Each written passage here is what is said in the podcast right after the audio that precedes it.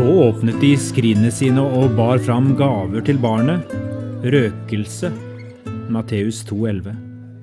Dette kjenner jeg igjen, sa Elisabeth da Maria åpnet det andre skrinet som lå i den lille kisten. Elisabeth snuste inn vellukten som strømmet ut av skrinet. Zakaria ofrer ofte røkelse når han gjør tjeneste i tempelet. Ja, det sa også den andre vismannen, nikket Maria. Magalat hette han. Det er en ære å få overrekke deg denne røkelse, sa Magalat. La røkelsens duft få fylle dette rommet og være et tegn på glede og høytid.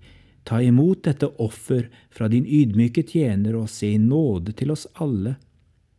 Den Magalat hørtes nesten ut som en prest, sa Elisabeth. Og familiens hus i Betlehem der vi var, opplevdes der og da som et tempel, sa Maria. Kanskje vil vi ikke lenger behøve å reise til Jerusalem for å tilbe Gud i fremtiden, sa Maria halvt i spøk. Elisabeth fikk det drømmende blikket tilbake i øynene. Maria, jeg tror ikke det Magalat gjorde var tilfeldig. Det var et tegn fra Gud.